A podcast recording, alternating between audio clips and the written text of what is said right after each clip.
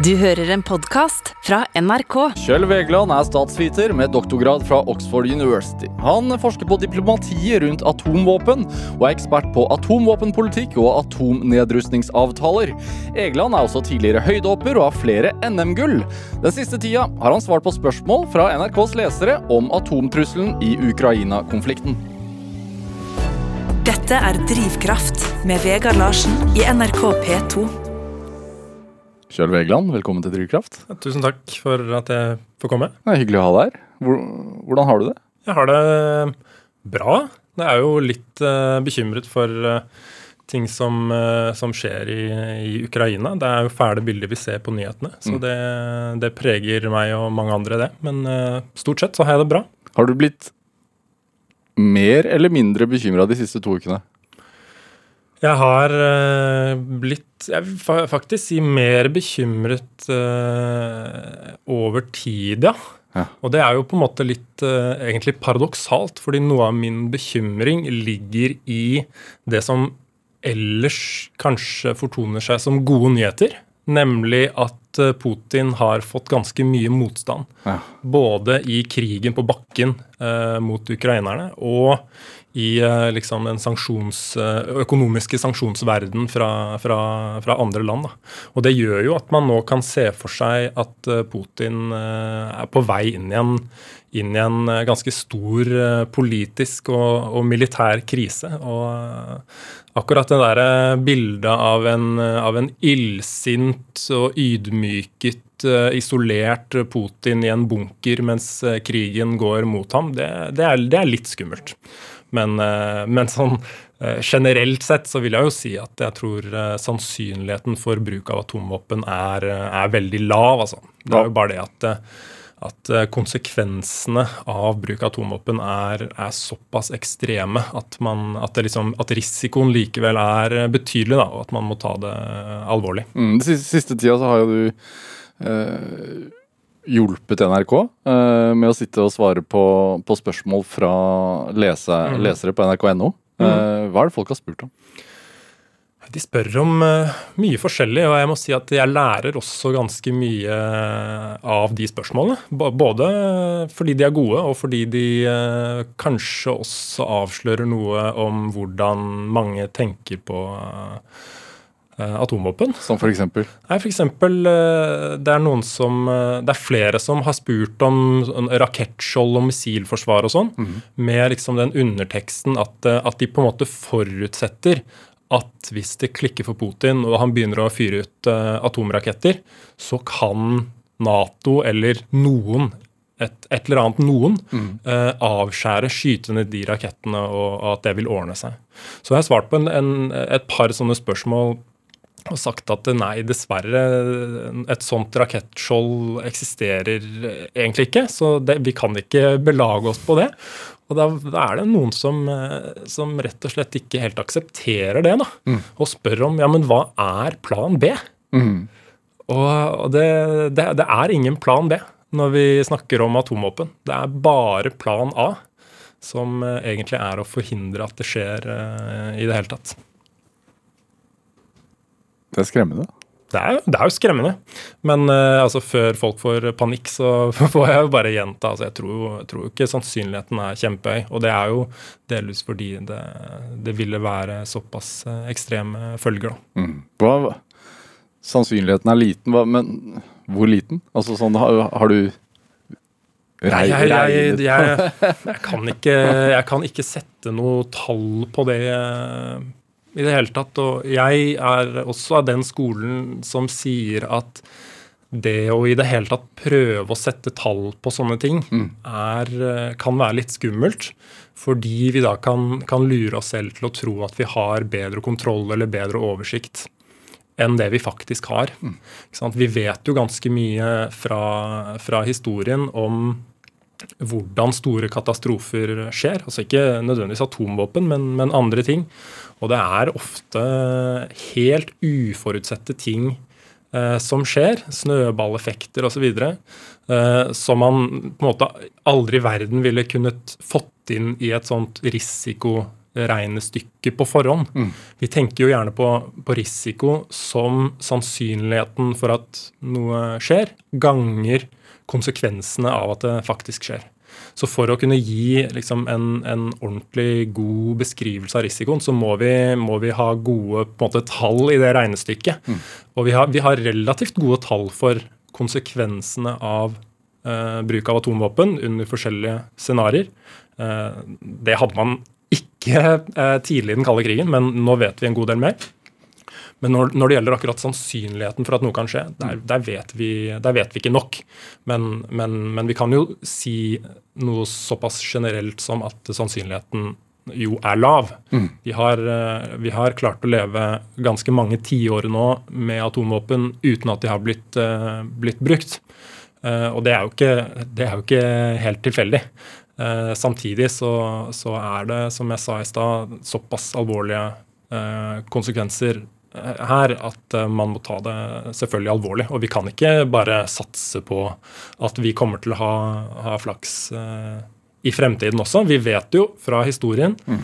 at i en god del tilfeller så har ren og skjær flaks vært eh, en av ingrediensene vi har uh, trengt for å, å, unngå bruk av atomvåpen. Det kommer vi kanskje litt uh, tilbake til etter hvert. Ja. Det er jo, når, man, når, man, ser for seg atomvåpen, så ser man jo for seg de kjempe, kjempestore bombene. Mm.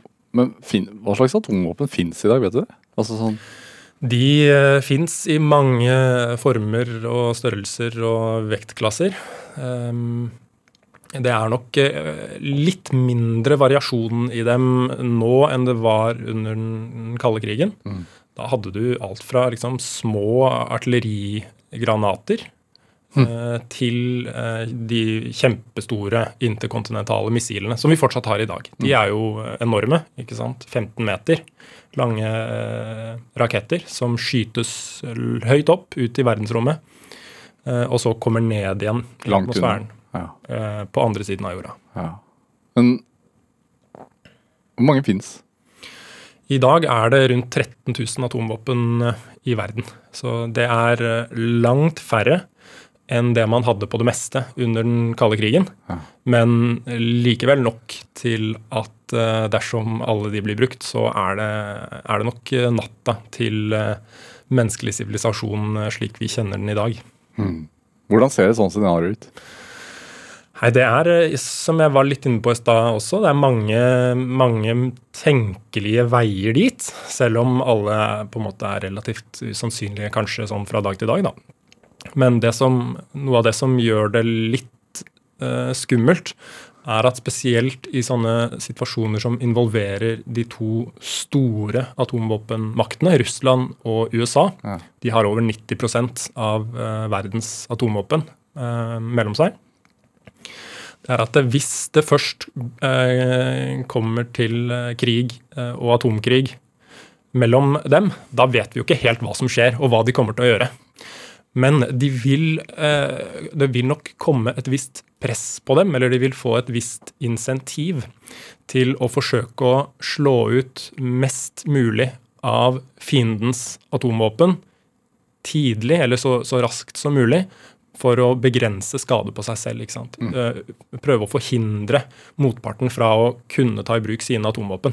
Så det er et, sånt, eh, et slags sånn førsteslagsinsentiv, som man, eh, man, kaller det i, i atomstrategien. Ja. Så det er jo noe av det som gjør at man er så redde for opptrapping og eskalering. Da, ikke sant? At man ser for seg at det, det kan gå ganske raskt fra at konflikten eh, begynner til at det går eh, ordentlig gærent. Men igjen, vi vet jo ikke hva som, hva som vil skje.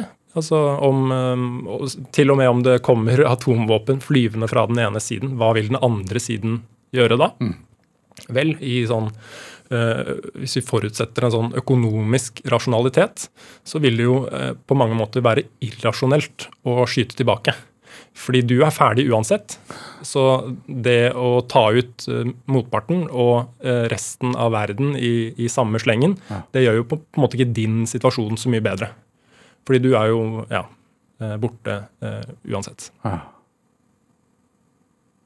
Den, den, rasjonaliteten er jo litt synlig, eller sannsynlig, kanskje? Ja, det, det, det, er jo veldig vanskelig å si, da. Men eh, det er, det er jo, vi må jo på en måte forutsette at, eh, at man vil skyte tilbake. Vi, ja. kan ikke, vi, kan ikke, belage oss på noe annet, tror jeg. Men det er jo statsledere opp gjennom historien som, som, som etter at de har pensjonert seg, har liksom sagt at de ikke ville brukt atomvåpen under noen omstendigheter. Uh, selv om de sa noe annet mens de satt i regjering, da. Men de hadde en viss sånn lojalitet med, med systemet. Ja. Og tenkte at det kanskje har en avskrekkende effekt at vi, at vi det, gjør det på denne måten. Men at de med seg selv eh, tenkte at de uansett aldri ville bruke dem. Disse marerittscenarioene, altså et slags Armageddon, er jo øh, Får frysninger på ryggen bare å snakke om det. Men er det viktig å snakke om det?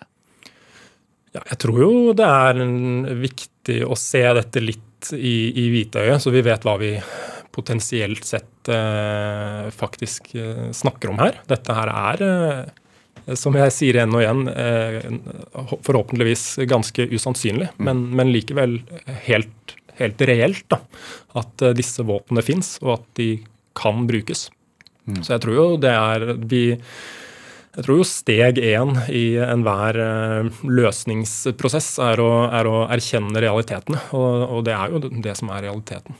Hvis, altså, siden du, du, du, tegner et bilde av uh, Putin som har malt seg selv opp i et hjørne altså, I, en, i et tenkt scenario, hvis han hadde uh, brukt et atomvåpen i, i Ukraina uh, for å ytterligere skape frykt, da. Mm hva ville skjedd da, tror du?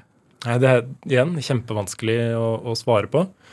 Noen tenker seg nok at da er det automatisk global uh, atomkrig. Ja. Det tror jeg nok ikke er tilfellet, selv om det selvfølgelig er en, en, mulighet at det kan eskalere til det. Men jeg tror jo at uh, andre atommakter, uh, hvis de hadde sett noe sånt skje, mm. ville nok voktet seg litt for å å gå inn i en, en sånn konflikt.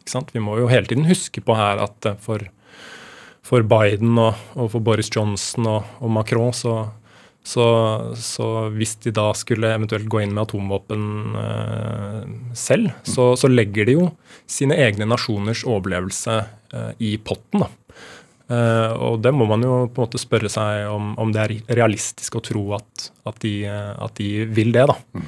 Så det er jo en, en, av de store spørsmålene i atomstrategien og, og i politiske spillet rundt, rundt, alt dette her, også relevant i alliansepolitikken.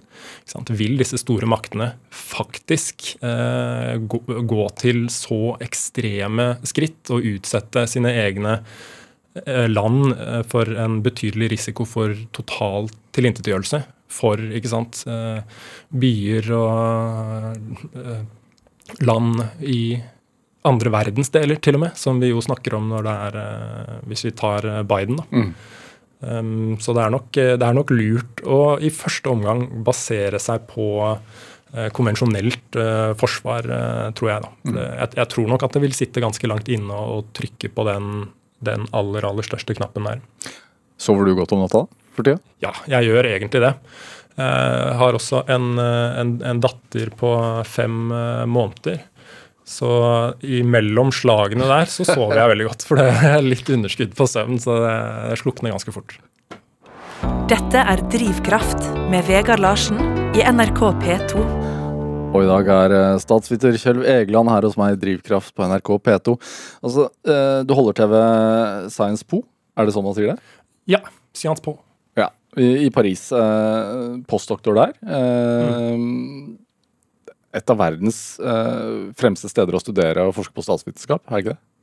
Jo, får kanskje være såpass direkte og bare si ja på det. Ja. Det er jo det universitetet som i norsk offentlighet først og fremst er kjent for uh, som um, uh, eliteskolen, der Jonas Gahr Støre eh, studerte. Ja. Som, som, han selvfølgelig eh, blir, blir, tynt for. I, I, Frankrike så er jo kanskje den politiske kulturen litt annerledes. Der er det jo mer eller mindre utenkelig at en statsleder ikke har gått på Seansborg. er du stolt av å gå der? Ja, jeg syns jo det er fint. Eller å forske men, der. men altså, først og fremst for min del så er det, er det det at de har et veldig godt og spennende eh, forskningsprogram Ja. for det jeg driver med. da. Og hva er det? Jo, det er uh, atomvåpenpolitikk. Og det vi og jeg er spesielt interessert i, det er uh, hvordan historien og fremtiden påvirker uh, dagens atomvåpenpolitikk. Med andre ord uh, hvordan ideer og tolkninger av hva som har skjedd før i tiden, påvirker politikken. Og også hvordan ideer om hvordan fremtiden kommer til å se ut, påvirker atomvåpenpolitikken. For det er jo selvfølgelig sånn at politikere, når de eh, skal lage strategier, så ser jo de eh, nødvendigvis inn i fremtiden og tenker er dette eh, noe jeg trenger eh, om eh, 50 år, 70 år? Altså Nå er de fleste atomvåpenstatene inne i store så, såkalte moderniseringsprosjekter. Vi kan kalle det oppussings- og fornyingsprosjekter av sine atomarsenaler. Fordi at de begynner å bli såpass gamle, eller? Mye av det som er gammelt, som skal byttes ut. Så de bygger nye ubåter, nye missiler, nye fly osv. Ja. Og eh, mye av dette eh, er ment å vare eh, omtrent like lenge som atomalderen eh, har vart til nå. ikke sant? 75-80 år. Ja. Eh, eh, En del av f.eks. de nye eh, langtrekkende ballistiske missilene som, som USA skal utvikle, Ja. de er ment å vare ut i neste århundre. Så det er ganske lange linjer som man planlegger for her. da. Og da må man jo også gjøre seg noen antakelser om hvordan fremtiden kommer til å se ut, og hvilke trusler man, man kommer til å, å møte der. Kanskje et dumt spørsmål, altså, men sånn, en granat kan jo, kan jo lett gå av. Kan et atomvåpen lett gå av? Altså, Nei, eh, ikke, ikke lett. Eh, altså, men vi må heller ikke ta eh, lett på risikoen for at uforutsette ting kan skje. Men moderne atomvåpen har en del mekanismer som, som gjør at de ikke skal bare kunne gå av uten at det er meningen, heldigvis. Um, sikkerheten er bedre nå enn den, enn den var før. Jeg må si at Um, når jeg leser om historien, f.eks. hvordan ting fungerte tidlig på 50-tallet, så, så syns jeg det er eh, nesten et under at eh, det ikke gikk eh, verre. hva, hva, hva har sjokkert deg? Nei, det er bl.a. at disse mekanismene som for å unngå at de våpnene går av når de ikke skal, ikke eksisterte eller ikke var like gode. Og også vært ganske mange uhell, f.eks. med fly med atomvåpen om bord som har styrtet eh, litt her og der. Eh, og også at man, man tenkte på atomvåpen på en litt annen måte enn man gjør i dag. Man tenkte i større grad på dem som, som brukbare våpen som man kunne liksom, ja, ta i bruk på, på slagmarken. da. Og så har denne, den ideen om at, eh, om at det altså, Eller man har skjønt at det i, økende grad at det er en, en eh, ganske dårlig idé. da. Hva var det som fikk, fikk eh, de, som, de som bestemmer til å, å forstå det? Jeg tror at det er en kombinasjon av litt forskjellige ting. Det, på, og, og mye av det har rett og slett sammenheng med mer kunnskap om hvor eh, ekstreme konsekvensene av å bruke de våpnene faktisk er. Ja. Man, man visste jo ikke helt uh, hva, man, hva man drev med. F.eks. Den, den første kjernefysiske testen, Trinity-testen, i, eh, i 1945. Man, man visste jo ikke helt hva som kom til å skje, og hvor stor denne eksplosjonen kom til å bli. Man hadde selvfølgelig gode teoretiske kjernefysiske antakelser, men, men man visste jo ikke helt hvordan det kom til å gå før man, før man gjorde det. Samme gjelder de første testene av eh, såkalte hydrogenbomber, eller vannstoffbomber. Det er jo, eh, på norsk så kaller vi jo gjerne alt for atomvåpen.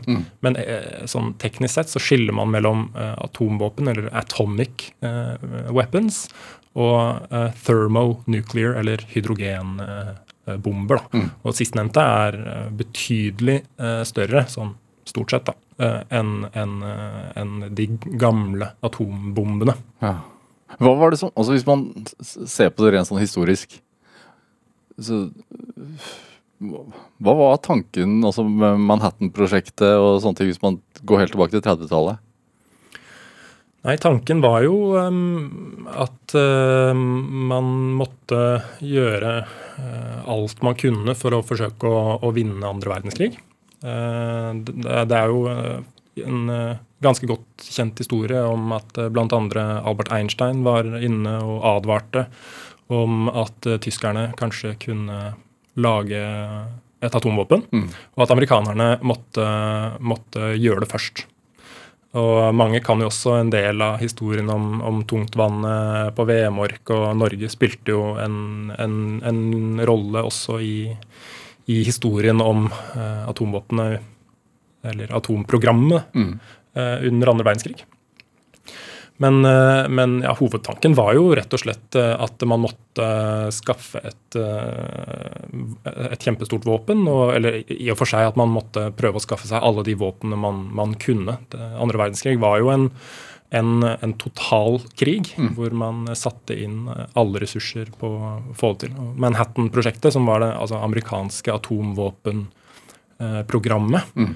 under andre verdenskrig var jo et, eh, et, helt enormt industriprosjekt, hvor man rett og slett bygget en hemmelig by.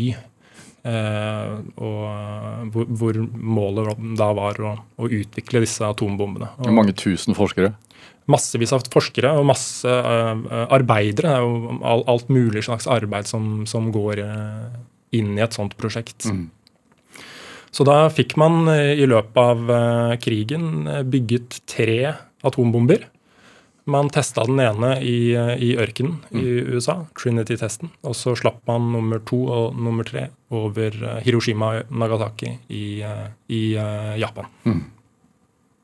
Og det stoppet jo, stoppet jo på mange måter krigen? Ja, det er fortsatt en del um, diskusjon om det blant, eh, blant historikere. Mm. Um, historien har jo på en måte i ettertid blitt at det var atombombene som, som avsluttet krigen og på en måte overbeviste uh, de japanske lederne og keiseren om at uh, de måtte overgi seg. Mm. Men det er, det, er, det er, litt uklart uh, i hvilken grad atombombingene ble en, en vei ut for japanerne. Mm. Og om krigen, hvor lenge krigen ville, ville vart uten atombombingen, for så vidt. Det var jo mange av de eh, øverste amerikanske generalene som mente at atombombingen var eh, i og for seg unødvendig. Mm. Visste de konsekvensene?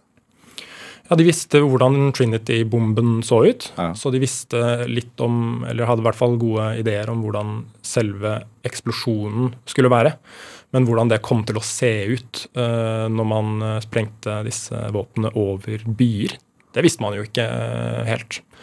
Og det, det, er jo groteske bilder fra, fra de byene da, som mm. mange helt sikkert har sett, som var i, i, relativt stor grad forsøkt dysset ned. Mm. Og man, man, dysset jo også ned en del av um, um, disse strålingseffektene ja. Så, så det, var, det, er jo også noe av det som ligger i det jeg var inne på tidligere, om at uh, man visste ikke uh, så godt i, til å begynne med hvor ekstreme konsekvensene var. Det er ba, både om at man har lært mer om, om strålingen over tid, man har lært mer om uh, brannutvikling. En atombombe skaper jo en helt ekstrem varme som gjør at ting tar fyr. Utover ba, bare selve eksplosjonen ja. så vil varmen gjøre at ting tar fyr. Uh, og det igjen vil uh, skape Eller føre til at masse sot og dritt uh, flyr ut i atmosfæren mm. og sirkulerer rundt jorda og blokkerer sollys fra å treffe jordoverflaten. så det er jo noe man ikke visste om i særlig grad før 80-tallet. Mm. så konsekvensene på den helt andre siden av kloden Nettopp. Det blir globale konsekvenser for mm. klimaet, og da i andre rekke matproduksjon. Så, så det, man, det, man, har skjønt, er jo at sant, en krig, en atomkrig med, med, med, 100 eller et par hundre atomvåpen mm. mot, mot, byer vil, vil, kunne sette eh, hundrevis av uh, millioner, for ikke å si milliarder av mennesker i, uh, i fare for, for hungersnød. Ja. Og som vi var inne på tidligere, så, så snakker vi om, om, 13 000 atomvåpen i verden i dag. Da. Uff a meg. Er det Hvordan Heldigvis så har jo ikke atomvåpen blitt brukt i krig siden. Uh, er det, men hvordan arta liksom diplomatiet seg etter dette her? Hvordan ble de enige om det er um, Fordelingen og eierskap og Jo, det er, en, det er jo en lang, en lang, historie av, eh, av diplomati. Um, faktisk så eh, er den aller første resolusjonen i FNs generalforsamlings historie, den handler om atomvåpen. Og um, oppfordrer til eh, eliminering av eh, atomvåpen og andre masseødeleggelsesvåpen. Mm. Og opprettet en sånn eh, kommisjon som skulle drive med dette her. Så det, det, går helt tilbake til begynnelsen av FNs historie, og har vært en viktig del av FNs historie også siden. Så i 1946 så begynte man med forhandlinger med formelt sett sikte på å total nedrustning. Da mhm. var det jo på den tiden bare USA som hadde atomvåpen. Men eh, andre land, spesielt Sovjetunionen, var jo allerede i gang med sine atomvåpenprogrammer. Mm. Men de forhandlet da om, om dette i 19, 1946. Eh, amerikanerne hadde et forslag, det såkalte Baruch forslaget, mm. Mens Sovjetunionen hadde sitt motforslag, Gromyko-forslaget. Og de var egentlig like, bortsett fra at de hadde um, ulik sekvensering, eller rekkefølge, på ting de så for seg at måtte skje. Så uh, russerne mente at um, uh, USA skulle ruste ned først. Ja. så ha internasjonale inspeksjoner og alt mulig sånt. Mm. Og forbud mot bruk og utvikling av atomvåpen. Mens amerikanerne så for seg motsatt rekkefølge. ikke sant? At man skulle ha kontroll og ditt og datt først, og så amerikansk nedrustning. Dette ble de eh, ikke eh, enige om. Og det er mange historikere som i dag tenker at eh, de, nok, de, de visste nok at de ikke kom til å bli enige om dette. At det, var, det skjønte de allerede da. At det var, ikke, det var, på en måte ikke meningen å komme til enighet. Og at de måtte ha skjønt at det It wouldn't fly. Så sånn ble det. Og da um, Du startet, har, da må jeg ha også, rett og slett. Så da startet uh, etter hvert da det, det, dette atomvåpenkappløpet.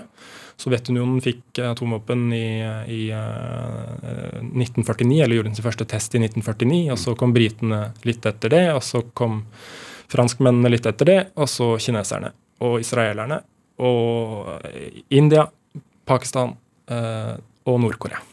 Det er de ni som har atomvåpen i dag. Vi har også et eksempel eh, på et eh, land som har utviklet eh, atomvåpen, men rustet ned frivillig. Det var Sør-Afrika. Hmm. Hvorfor rustet de ned? Det er også et veldig komplekst spørsmål som forskere krangler om den dag i dag. Men det hang jo sammen med på en måte demokratiseringen og apartheids fall i Sør-Afrika. Så da apartheid falt, så rustet de også ned atomvåpnene. Så det var en slags sånn en del av demokratiserings- og, og frigjøringsprosessen. Mm. ANC og um, den sørafrikanske motstandsbevegelsen var eh, mot atomvåpen og pushet på for det. Og det var på en måte en del av deres frihetskamp. Mm. Og Så vil andre si altså, også at uh, dette sammenfalt jo med at den kalde krigen sluttet. Og at da den sikkerhetsbegrunnelsen som apartheid-regimet hadde hatt, med at Sovjetunionen kunne støtte fiendtlige eh, land i Afrika mot Sør-Afrika, mm. den, den, falt uh, i stor grad bort. Da. Hva var argumentasjonen for at altså sånn som Frankrike og Storbritannia f.eks. at de skulle få lov til å utvikle det? Altså, nå sier jeg få lov, fordi det er vel sikkert hardt mot hardt når man sitter på et atomvåpenarsenal? da? Ja, det er jo det. Eh, når det gjelder både Storbritannia og Frankrike, så vil jeg si at um, ideer om prestisje og stormaktsstatus mm. spilte veldig viktige roller. Uh, Spurte de USA om lov, eller Sovjetunionen om lov? Var det noen nei. diplomatiske forhandlinger der i det hele tatt? Altså, nei, nei, dette er nasjonale programmer som de, de satte i gang med på, på egen hånd. Mm. Um, amerikanerne um, motsatte seg i liten grad det britiske atomprogrammet. men i litt større grad så motsatte de seg det franske atomprogrammet. Amerikanerne eh, så for seg at de, eventuelt de og britene, skulle være de som hadde atomvåpen i liksom den vestlige folden, eller i Nato-folden, da, mm. som ga dem en, en, eh, et slags lederskap og, og, en viss kontroll. Da, ikke sant? Eh, selv om Frankrike var alliert med, med USA, så tenker man seg jo at fra i hvert fall amerikansk perspektiv da, at det er best om, om vi selv har, har, kontrollen på dette her. Mm. Men så eh, var det i, på 60-tallet, i 1965, så begynte man med forhandlinger om eh, det vi kaller for ikke-spredning av atomvåpen. Så her, her, kommer vi inn på det du hintet til i, i, i stad, med hvem som får lov og ikke får lov og sånn. Mm. Fordi Eh, i folkeretten, internasjonal rett, så er det jo egentlig sånn at man får lov til hva som helst inntil det motsatte er bevist, eller at stater har blitt enige om at det ikke er lov, f.eks. gjennom en traktat. Mm, FN-traktaten som så, som kom i 2017-2018, nå var det? Hvor 50 land har eh, Ja, det kom en eh, for så vidt også et, et, et totalforbud mot atomvåpen ja. eh, som ble eh, vedtatt i, i, 2017, trådte i kraft i fjor. Ja. Eh, og det er også da et eksempel sant, på at eh, det forbudet gjelder for de statene som undertegner og ratifiserer den avtalen. Ja, Og de ni som har, har ikke undertegnet og ratifisert den? Nei, de har ikke blitt med på den, fordi de, eh, de ønsker å beholde atomvåpnene sine. Ja. Men den traktaten kan jo eh, kanskje da brukes som et verktøy til å legge press på eh, flere og flere land, og til syvende og sist også atomvåpenstatene, til å, å kvitte seg med atomvåpnene sine. Hva, men, men, hva med Ukraina? For man leser jo om at eh, Ukraina hadde atomvåpen og, og ja. ga, ga, de opp. Enda en kompleks uh, historie. Uh, altså, Som vi må forklare kortfattet. Ja, uh, Sovjetunionen hadde jo store mengder atomvåpen, og de var utplassert litt forskjellige steder. Um, for så vidt også i noen Warszawa-paktland, mm. men de ble trukket tilbake ganske raskt da, da, den kalde krigen på en måte var på hell. Men så var det da Sovjetunionen ble oppløst i 1991, så sto det igjen atomvåpen i tre eh, land. Mm. Eh, Russland, eh, Kasakhstan, eh, Ukraina og Hviterussland. Fire land, beklager. Eh, eh, tre land som ikke er Russland, da. Ja. Ja. Um, de um, ga alle fra seg de uh, atomvåpnene i løpet av 1990-tallet. Så er det en del um, så, så er, altså, de hadde Det er litt uklart i hvilken grad de hadde kontroll mm. eller eierskap over de atomvåpnene. sant? Fordi For å bruke atomvåpen så trenger man eh, det man kaller for kommandokontroll, og man trenger noen koder for å bruke dem. Så eh, i hvert fall de såkalte strategiske og langtrekkende atomvåpnene, de store missilene, mm. de, de, ville de ikke kunne brukt uansett om de hadde um, beholdt dem. Eh, og de måtte vedlikeholdt dem og brukt ganske mye ressurser eh, på det. Mm. Kunne kanskje knukket disse kodene, disse launch codes som det, det, kalles, hvis de hadde brukt en del tid på det. Men det, det, var, altså det, var, ikke sånn at Ukraina var en kapabel atommakt tidlig på 90-tallet, og så ga dem fra seg. Nei. Det var mer det at de arvet gamle Sovjet eh, våpen som de ja, kanskje kunne ha satt i stand til eh, å, å brukt dem eh, selv, men, men, ikke, det var ikke et fikst ferdig, eh, fiks ferdig atomvåpenprogram som de arvet. på en måte da. Kjell Vegeland, vi, eh, vi, skal spille litt musikk ja. og få opp humøret litt. Det må vi. Ja, eh, du har med Åge Aleksandersen? Jeg har med Åge. Det er jo en, en banger eh, med en eh, veldig bra åpningslinje som jeg tenkte at var litt aktuell for, eh, for det vi snakker om i dag. Mm. Og så er det jo, kan man jo bli i veldig godt humør av den, så det kan jo også passe i en tid som dette.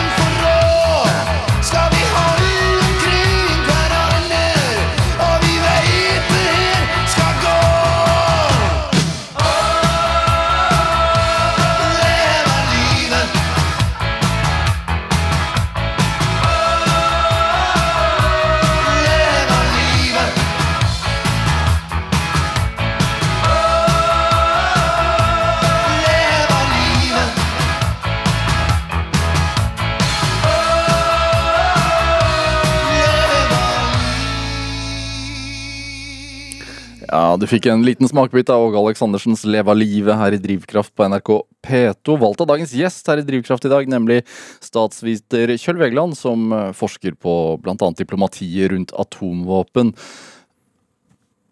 Går det an å se for seg en verden uten atomvåpen? Altså det er sånn, Når vi snakker om historikken her, at jeg har, da skal i hvert fall altså, Du skal ikke få ha, for da skal jeg ha. altså det, Hele den der problemstillingen der, at det finnes 13 000 mm. atomvåpen i verden. altså ja, det, det sitter eh, åpenbart uh, veld, veldig dypt. Det ja. gjør det. Ja. Men uh, jeg, jeg, tror man kan se det for seg. Og man kan forhandle om det, og i hvert fall forhandle om steg på veien dit. Ja. Vi må jo også huske at de aller, aller, aller fleste land i verden klarer seg uten atomvåpen, og har ingen planer om å, om å skaffe seg det heller. Så jeg tror det, det kan være mulig. Og jeg syns også det er interessant å tenke litt på eh, akkurat hvordan våre forestillinger om hva som er mulig og umulig, eh, dannes. da. Mm. Og hvordan sånne mulighetsrom eh, kan, kan, dukke opp eller, eller ikke.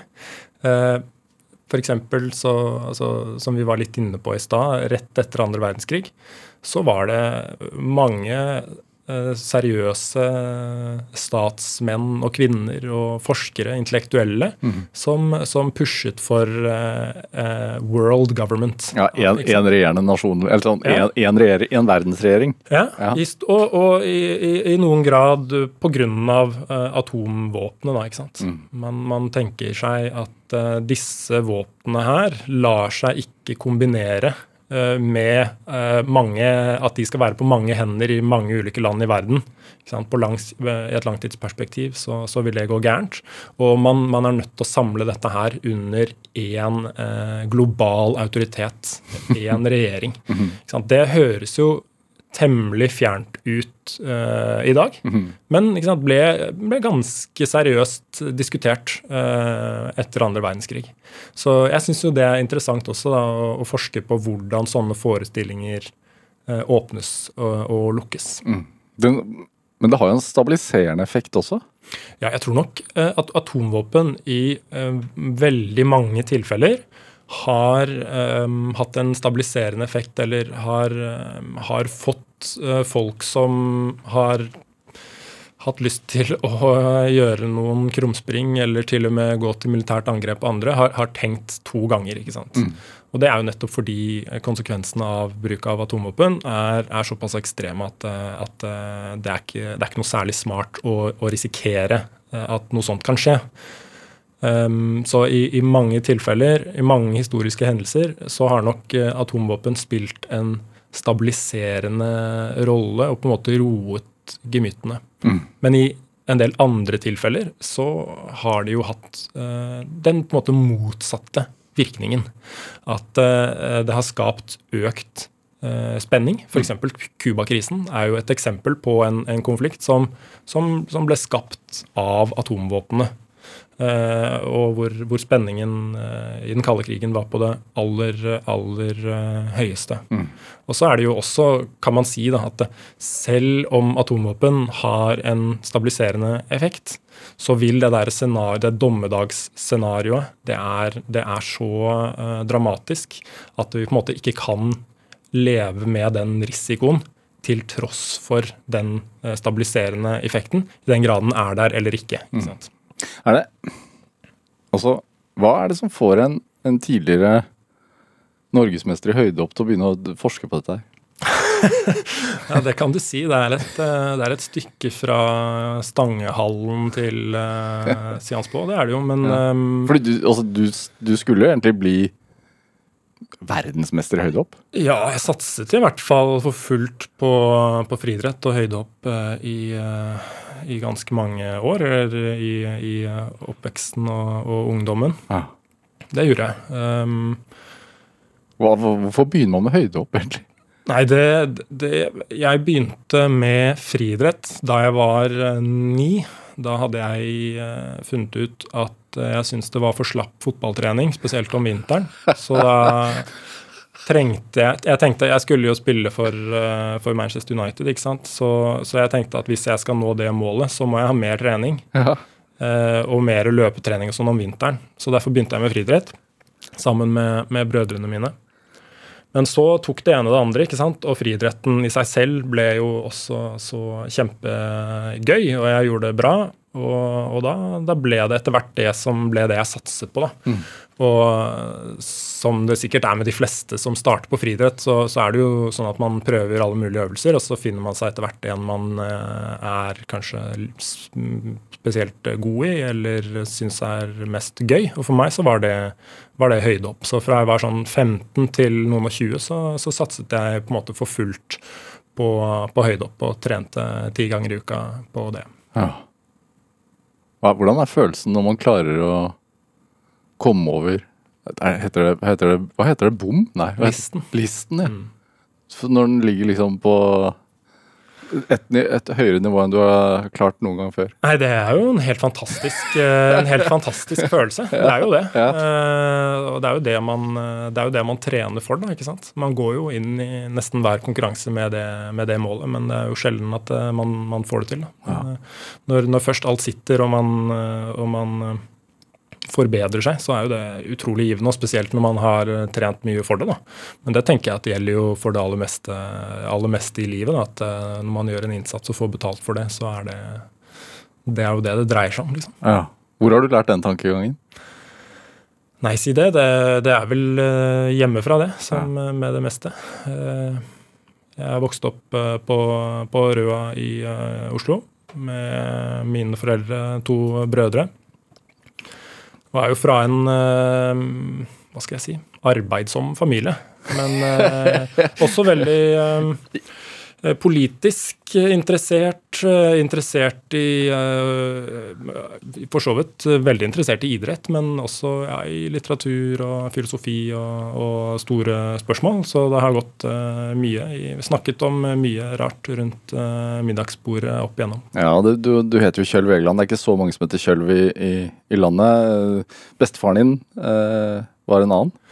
Ja, eh, jeg er oppkalt etter min uh, morfar, Kjølv Egeland, som var um, Politiker, blant politiker. annet. Ja. Mest kjent for det. Han satt i regjering for Arbeiderpartiet på, på 80-tallet. Var kirke- og undervisningsminister. Ja.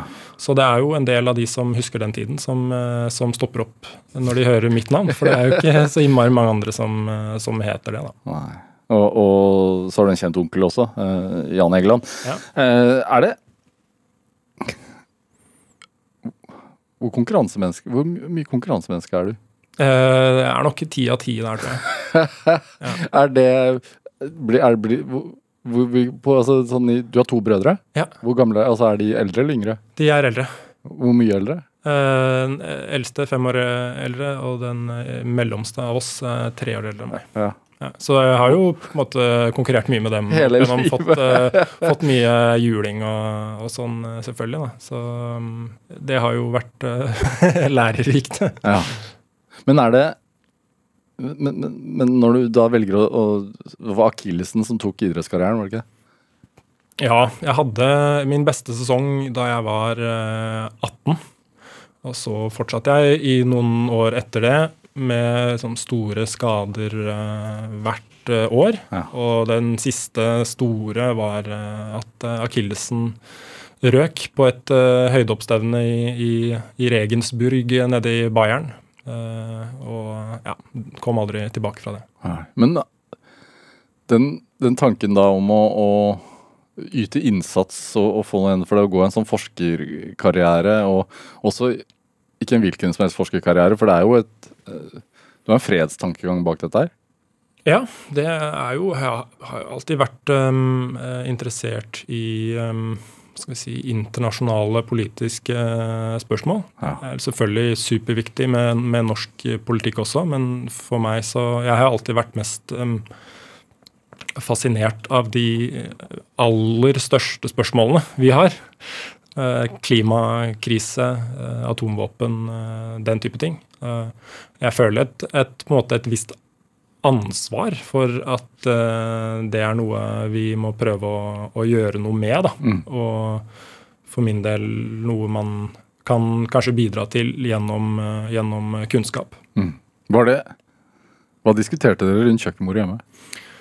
Nei, alt mulig. Eh, som sagt, alt fra lagoppstillingene i Premier League til, eh, til eh, Petter Dass og Sylvia Plath. Begge mine foreldre er litteraturvitere på Universitetet i Oslo, så det har jo gått i en del, eh, en del litteratur eh, også innimellom. Mm. Mm.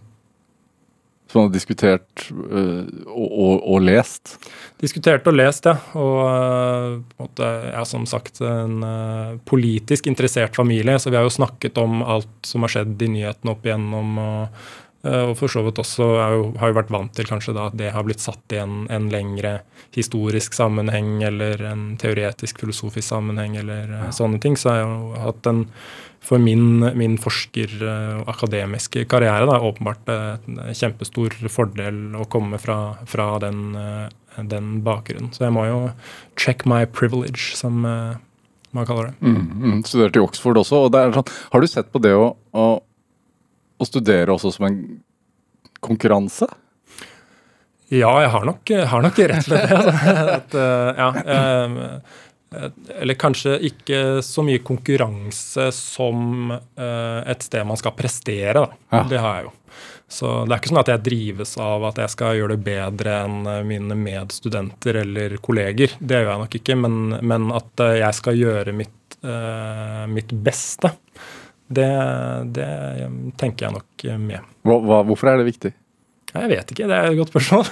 Jeg burde kanskje tenkt mer på det før jeg kom på et program som heter Drivkraft. Men eh, nei, jeg tror det er litt det som uh, vi var inne på i stad. Altså mm, nysgjerrighet, men også da eh, en slags Jeg har en slags også sånn pliktfølelse av at det er mye som er gærent i verden, og som vi må finne ut hvordan vi kan løse og, og fikse. Ja. Er det hvordan, er forskjellen på å studere i, Oxford og, og, i Frankrike, som du nå forsker, da, eh, kontra det å studere her i Norge? Det er um, Altså, jeg vil jo si for det første bare at uh, nivået på det akademiske i, eh, på Universitetet i Oslo, hvor jeg har, har vært. Det er altså virkelig på høyde og veldig bra, altså, syns jeg. Eh, men eh, kanskje det sosiale og ting rundt fungerer veldig annerledes når man er f.eks. I, i, i Oxford, da, hvor settingen er en, en ganske annen. Mm. Og, um, er det viktig med liksom kontakter i forskerverdenen også? Ja, det kan være viktig, det. Og det er jo også noe man, man kan bli vurdert på når man uh, søker om forskningsmidler og sånn. Så det er en på en måte integrert del av uh, forskningspolitikken og forskningsbyråkratiet, faktisk. Ja.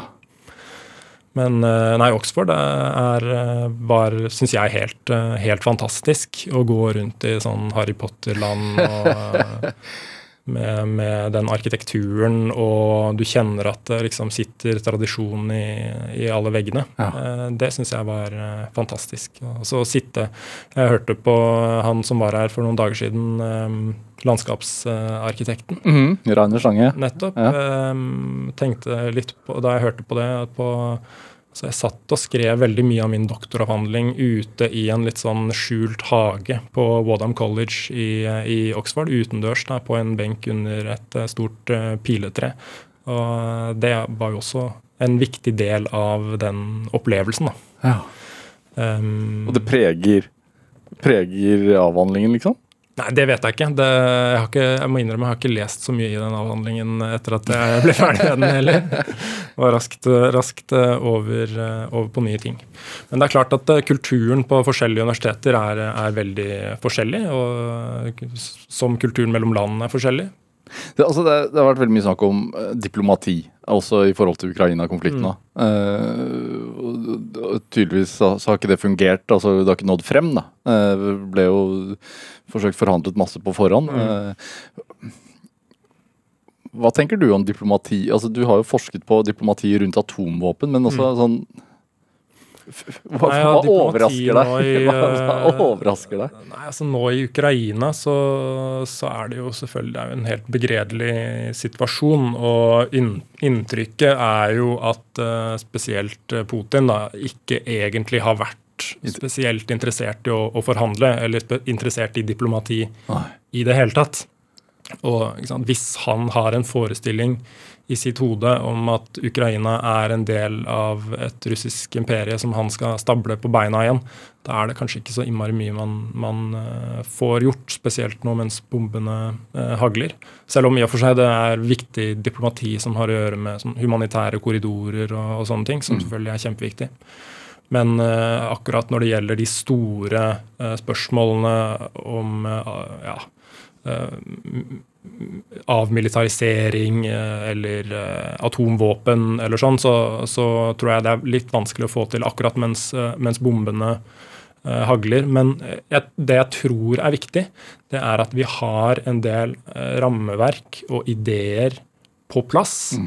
neste gang det er en genuin åpning i Russland. Um, F.eks.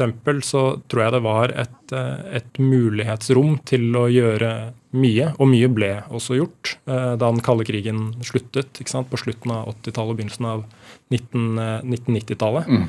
Det, kan jo bare gå tilbake og lese aviser fra, fra liksom, midt på 80-tallet. Da, da, så det jo ut som at den eh, kalde krigen skulle vare evig, mm. og at disse Eh, russiske eller sovjetiske eh, gamle lederne liksom bare skulle resirkuleres eh, i evig tid. Mm. Men så plutselig så skjer det noe som gjør at det kommer en, en åpning. Gorbatsjov kom inn og var noe helt annet enn en sine forgjengere.